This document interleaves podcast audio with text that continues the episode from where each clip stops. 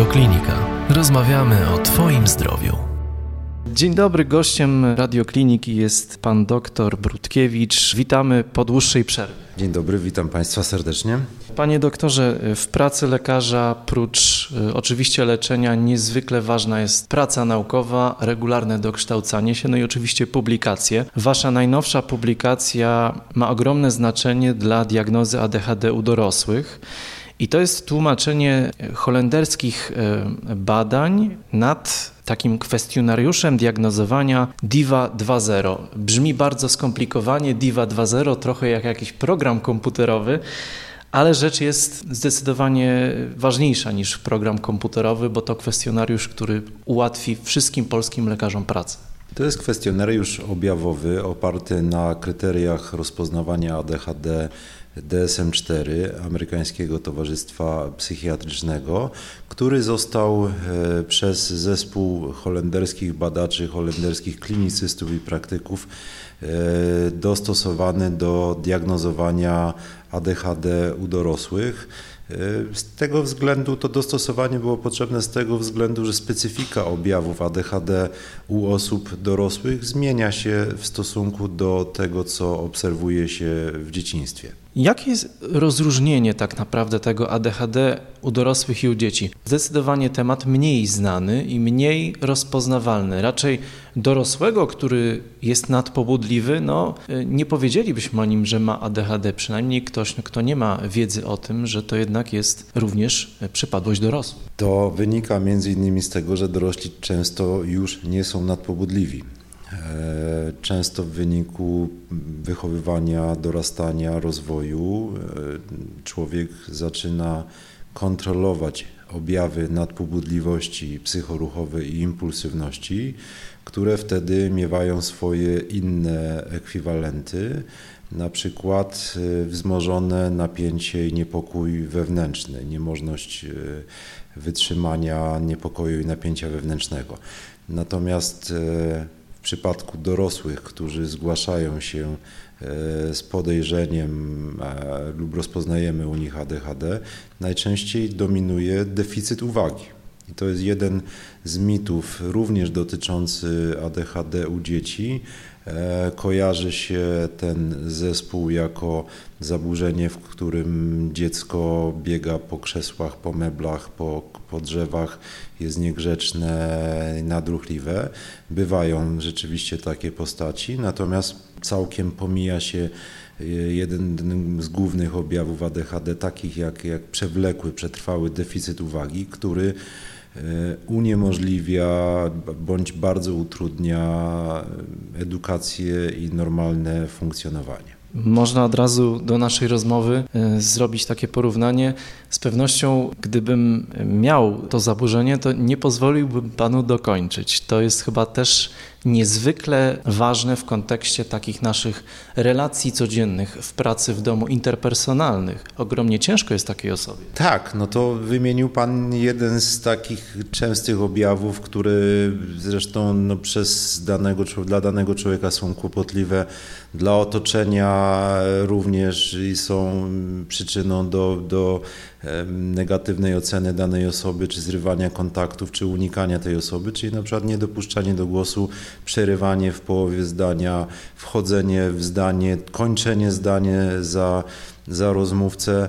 To rzeczywiście to jest jeden z tych ekwiwalentów nadruchliwości który jest bardziej widoczny u dorosłych, no dorośli e, nauczyli się już, do, do, osoby dorosłe z ADHD, nie wszystkie, zaraz powiemy o tych, które się tego nie nauczyły. Osoby dorosłe z ADHD nauczyły się, że skoro już im tysiąc razy mówiono siedź spokojnie, no to rzeczywiście ta osoba może usiedzieć spoko spokojnie, ale bądź wykonuje jakieś nerwowe ruchy rękami, nogami, obgryza paznokcie, czy, czy w nieprzerwany sposób mówi, tak jak ja teraz, prawda? czy na przykład wpada w stany marzycielskie e, i w trakcie, po, po wykładzie e, zdaje sobie sprawę, że, że siedział na wykładzie i słuchał, ale nic z tego nie pamięta, bo myślami był gdzie indziej. Prawda? Jednym z takich Kolejnych objawów, który jest widoczny u dzieci i u dorosłych, to jest nadmierna rozpraszalność. My zazwyczaj, jeżeli jesteśmy skupieni na jakimś zadaniu i usłyszymy jakiś hałas za oknem, to albo nie zwrócimy na niego uwagi, jeżeli jesteśmy skupieni na czymś bardzo interesującym, albo zwrócimy, wyjrzymy za okno i potem wrócimy do zadania, które mamy wykonywać.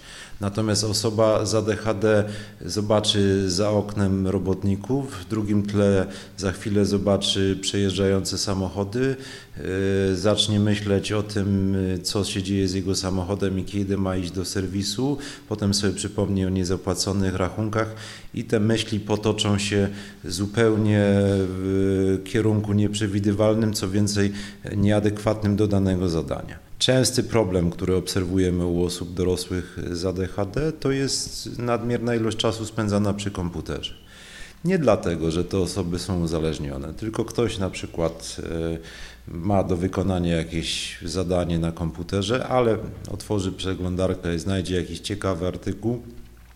E, po dwóch akapitach e, znajdzie link do jakiegoś innego artykułu i w pewnym momencie ta osoba się łapie, że ma pootwieranych 20 okienek przeglądarki, a zadanie, które było powodem włączenia komputera jest nietknięte albo lekko naruszone. Często chyba też, panie doktorze, trochę czasy wymuszają od nas szybkość działania, która może powodować, może, może sprzyjać właśnie powstawaniu tego. Tak się zastanawiam, że przecież wielu z nas ma często kilka zadań do wykonania. Jest nam narzucana ogromna szybkość. Ludzie pracują w korporacjach, gdzie jest jakieś zadanie, często dostajemy drugie czegoś nie kończymy, potem jesteśmy z tego rozliczani. Niezwykła trudność y, tego no na pewno nie ułatwia też pozbycie się tego, y, o czym mówimy. Paradoksalnie to mogą być warunki korzystne dla osoby z ADHD. Paradoksalnie, bo to nie jest tak, że ADHD niesie ze sobą tylko same niekorzystne objawy wraz z tym chaosem myślowym, który, który mm, tym rozkojarzeniem i wielowątkowością osoby, która e, doświadcza objawów ADHD, w parze idzie kreatywność. E, osoby z ADHD mają często większą łatwość wpadania na nowe pomysły, no właśnie gdzieś błądząc myślami i kojarząc różne fakty, których my byśmy nie skojarzyli, ko kojarząc ze sobą, no te osoby na przykład się dobrze sprawdzają w reklamie czy, czy w innych środowiskach, gdzie trzeba się szybko przełączać z zadania na zadanie, bo Pan powiedział o wielozadaniowości. Wielozadaniowość rzeczywiście jest pułapką współczesności a mianowicie nasz mózg nie jest w stanie efektywnie wykonywać zbyt wielu zadań naraz. Tu są ograniczenia czysto wręcz fizjologiczne. To nie zależy od naszego poziomu inteligencji, od y, naszego poziomu wykształcenia, tylko od ukrwienia mózgu. No mózg, żeby móc efektywnie pracować, musi dostać odpowiednie zasoby glukozy, które są zużywane na pracę poszczególnych ośrodków, które, które są do wykonywania zadań przeznaczone. Jeżeli tych ośrodków próbujemy włączyć zbyt dużo, to część z nich albo wszystkie będą działały nieoptymalnie.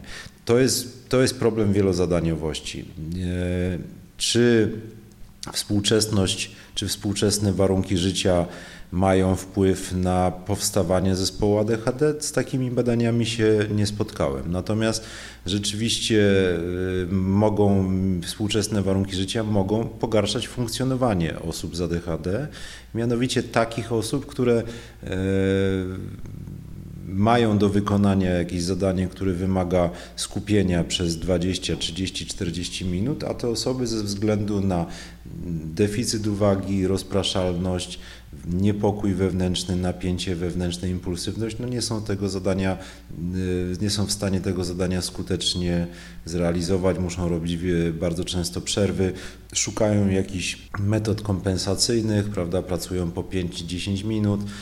Jeżeli y, dane warunki funkcjonowania y, są optymalne, jeżeli w danych warunkach od kogoś się oczekuje, że będzie wykonywał zadania w 5 minut, potem następne, następne, następne, to ta osoba może wręcz wykorzystywać częściowo cechy y, zespołu ADHD pod warunkiem, że deficyt uwagi nie jest zbytnio nasilony. Jak patrzę, panie doktorze, na te zebrane w takie trzy punkty właściwości ADHD u dorosłych, ta impulsywność, zaburzenia uwagi, no i właśnie ten taki e, nadmierny ruch, to to, co szczególną moją uwagę e, zwróciło, to jest właśnie relacja z ludźmi. E, jest w tej definicji też takie zdanie: intensywne, lecz często nietrwałe relacje z innymi. Chyba kluczowa rzecz, która chyba wydaje mi się daje no, największe szkody w życiu takiej osoby.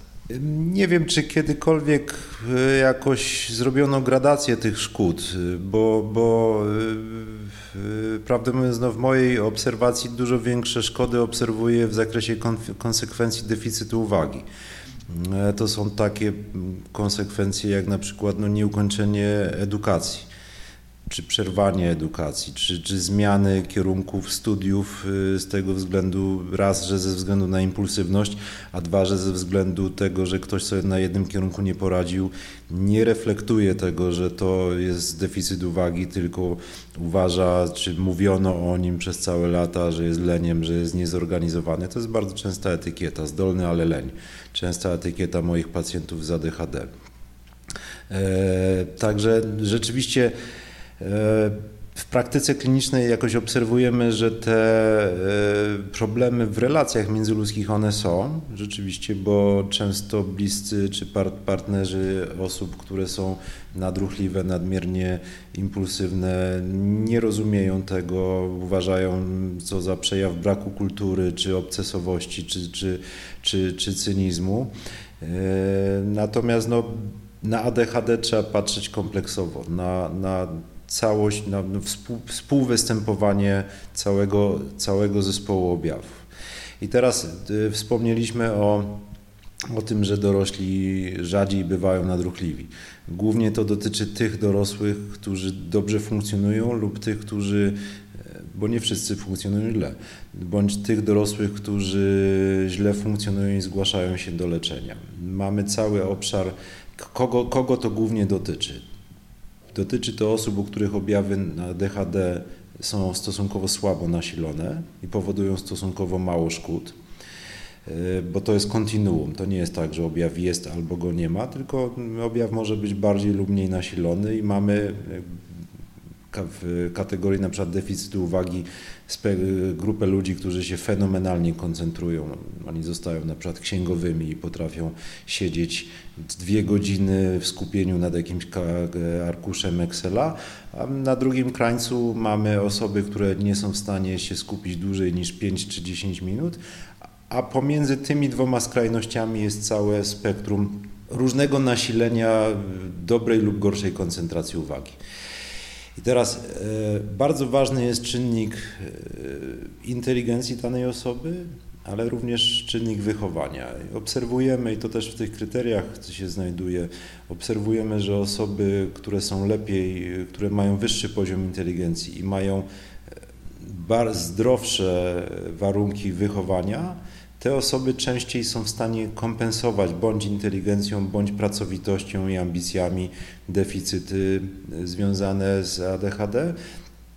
I często się zdarza, że te osoby na przykład e, bardzo dobrze sobie radzą w szkole podstawowej, dobrze sobie radzą w gimnazjum i w liceum, a problemy się zaczynają na studiach albo dopiero po pójściu do pracy, kiedy jest kolejny etap wzrostu wymagań od, od danej osoby. E, natomiast zaobserwowano, ja osobiście nie mam doświadczenia z takimi pacjentami, to bardziej znam z literatury, zaobserwowano e, zwiększony odsetek e, osób z ADHD w grupie młodych mężczyzn, którzy popełnili przestępstwa. E, to są obserwacje i brytyjskie, i skandynawskie, i holenderskie, a mianowicie e, to poczucie bycia innym i gorszym u jednych osób może spowodować, że one wraz z rodziną będą się starały jakoś to poprawić, naprawić, skompensować jakoś funkcjonować, prawda?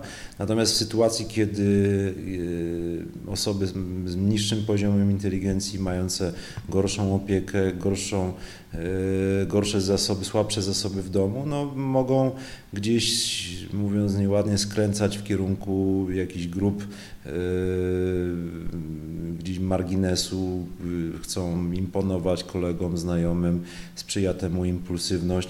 I w tej grupie obserwuje się większy, większy procent objawów związanych z impulsywnością i nadruchliwością. Nawet są w Wielkiej Brytanii weryfikowane wyroki sądowe, warunkowo są zawieszane wyroki sądowe, jeżeli się u danej osoby, najczęściej to są młodzi mężczyźni, rozpoznaje ADHD i ta osoba podejmie się leczenia, jest pod nadzorem oczywiście e, kuratora, natomiast e, są w Wielkiej Brytanii programy przesiewowe badania młodych mężczyzn pod kątem ADHD, no po to, żeby próbować ich leczyć, tych, którzy chcą, a chce ich, nie, nie mało z nich chce i tu wyniki są coraz lepsze. Zwróciłem, panie doktorze, na, na te relacje uwagę, bo też jedna z naszych słuchaczek, y, która w pracy ma kolegę, u którego podejrzewa właśnie ADHD, prosiła o zadanie właśnie takiego pytania. No jest z nami taki kolega, który robi wszystko, tylko nie zajmuje się e, pracą. Jest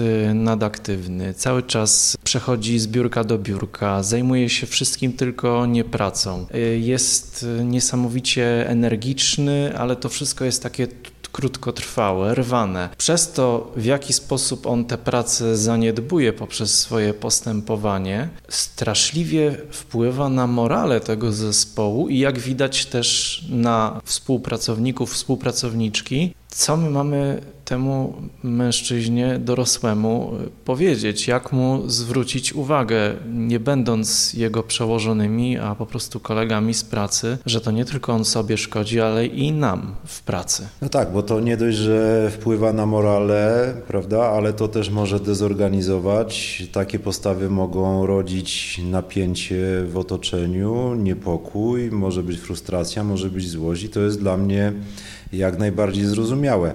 Oczywiście ja nie jestem w stanie, nie mam uprawnień, żeby odpowiedzieć, czy ta osoba cierpi na ADHD, czy nie cierpi, prawda? To, to, to zachowanie samo w sobie może sugerować ADHD, ale nie, nie jest nieupoważnie do rozpoznania. Natomiast myślę, że z takim, takim empatycznym podejściem byłoby zapytanie takiej osoby, słuchaj, a co się dzieje, że, że, że nie możesz usią, usiedzieć na miejscu, czy, czy co, co, jak, jak ty to przeżywasz, co ty czujesz, co, co się z tobą dzieje, że tak biegasz z kąta w kąt. To jest z jednej strony, ale z drugiej strony no też mm, w pracy, gdzie jesteśmy mm, z własnej, dobrej, nieprzymuszonej woli i, i mamy jakieś swoje zadania do wykonania i musimy dbać o swój interes, e, no dobrze jest takiej osobie postawić granicę, czyli powiedzieć po prostu, no przeszkadza mi to, nie mogę zrobić tego i tego, z powodu Twoich zachowań mam takie i takie kłopoty, czy, czy nie mogę wykonać zadań i, i nie, wiem, co, nie wiem, co się z Tobą dzieje, ale mnie to przeszkadza. Także to są, to może iść w parze, prawda? Dbanie o to, żeby, żeby samemu można było w danym miejscu pracy zrealizować zadania, które ma się do wykonania. Łatwiej będzie to osiągnąć, jeżeli się takiej osobie okaże zainteresowanie i, i się zapyta na przykład, a co właściwie się takiego dzieje, że, że tak biegasz z kąta w kąt. Nie, nie wiem, czy zauważyłeś, ale nie mogę dokończyć zdania, bo mi przerywasz, wchodzisz mi w, pół, w połowie zdania i wtedy trudno mi jest przekazać to, co myślę, ale rozumiem, że to coś z tobą się takiego dzieje, prawda? Można po prostu taką osobę zachęcić do, do zdobycia wiedzy. No, wiele problemów możemy rozwiązać wtedy, kiedy wiemy, że to jest problem i jaki to jest problem, prawda? Czyli im większa wiedza, tym większe szanse na znalezienie e, adekwatnych rozwiązań. No, w internecie jest bardzo dużo literatury na, na temat nadruchliwości, na temat deficytu uwagi, Można takiej osobie powiedzieć, może masz jakieś problemy w skupieniu się, prawda, a jeśli masz, to dlaczego? Poczytaj może coś, coś na ten temat, bo może są możliwości, żebyś sobie to ułatwił, żeby ktoś Ci mógł pomóc. Także myślę, że możliwości jest sporo. Panie doktorze, na koniec y, najważniejsze, czyli jak wygląda terapia takiej osoby? Jak, jak długa ona jest? Czy, czy to jest y, proces bardzo skomplikowany? Oczywiście to wszystko zależy od, y, od pacjenta. Natomiast takie główne zadania, które przed terapeutą i przed pacjentem stoją w przypadku ADHD stwierdzonego u osoby dorosłej? W przypadku wiarygodnie rozpoznanego ADHD mamy wskazania do kompleksowego leczenia, które żeby było modelowe, powinno obejmować połączenie farmakoterapii z oddziaływaniami e, psychologicznymi. Farmakoterapia to są leki psychostymulujące, które u osób z ADHD działają odwrotnie niż u, u osób, które nie mają tej, tej neurofizjologicznej dysfunkcji. E, a oddziaływania psychoterapeutyczne no, zależą od e, sytuacji danej osoby, od ewentualnej współchorobowości, czyli współistnienia objawów jakichś innych zaburzeń, co w ADHD jest częste, ale też od jej celów i potrzeb. Najczęściej to jest psychoterapia poznawczo-behawioralna u osób, które mają mniejsze trudności w funkcjonowaniu, to może być coaching. Tak wygląda model. Natomiast y, wielu pacjentów y, poprzestaje na farmakoterapii z różnych powodów. Jednym z tych powodów jest to, że farmakoterapia często bywa bardzo skuteczna i równocześnie bardzo bezpieczna. Ocenia się, że leki psychostymulujące są jednymi ze skuteczniejszych leków, jakie stosujemy w psychiatrii, a równocześnie ryzyko związane z ich stosowaniem jest jest mniejsze niż w przypadku wielu innych leków, które stosuje się nie tylko w psychiatrii, ale w ogóle w, ogóle w medycynie. E, zastosowanie tych leków w niektórych przypadkach e, no, diametralnie zmienia sytuację danego człowieka i pozwala mu na odbudowywanie, niejednokrotnie na odbudowywanie swojego życia po wielu stratach i po wielu porażkach. No, ja swoją opinię opieram nie tylko na, na literaturze, ale również na sporym doświadczeniu klinicznym w tym zakresie, gdzie leczenie tego typu włączaliśmy u osób 20, 30, 40, a czasami 50-paroletnich i te osoby były w stanie no, zobaczyć świat inaczej niż dotychczas no, na przykład zacząć regularnie płacić rachunki. Nawet tak prozaiczna rzecz może być problemem. No właśnie, no, dla nas to może być prozaiczna rzecz. Czasami zapomnimy sobie raz na kwartał jeden czy, czy, czy drugi rachunek i dla nas to jest prozaiczne, zapłacimy 3 zł odsetek karnych i, i zapominamy o tym na drugi dzień. Natomiast w przypadku osób z nasilonymi deficytami uwagi, e, wykonywanie, realizacja jakichś zadań administracyjnych czy, czy, czy płacenie rachunków, to bywa rzeczywiście bardzo dużą trudnością i te osoby często nabawiają się bardzo poważnych kłopotów z tym, z tym związanych. I po wdrożeniu po zakończeniu diagnostyki, po wdrożeniu leczenia, jeżeli ono się okazuje dobrze tolerowalne i, i skuteczne, te osoby mm, doświadczają y, bardzo często doświadczają istotnej zmiany w swoim życiu. To czasami są mm, rzadko, ale czasami to są, to są zmiany spektakularne. Czy na przykład możliwość ukończenia zdania matury, czy, czy ukończenia studiów. Bardzo dziękuję za rozmowę, panie doktorze. Bardzo proszę, dziękuję bardzo. Więcej audycji na stronie radioklinika.pl i w naszej aplikacji mobilnej.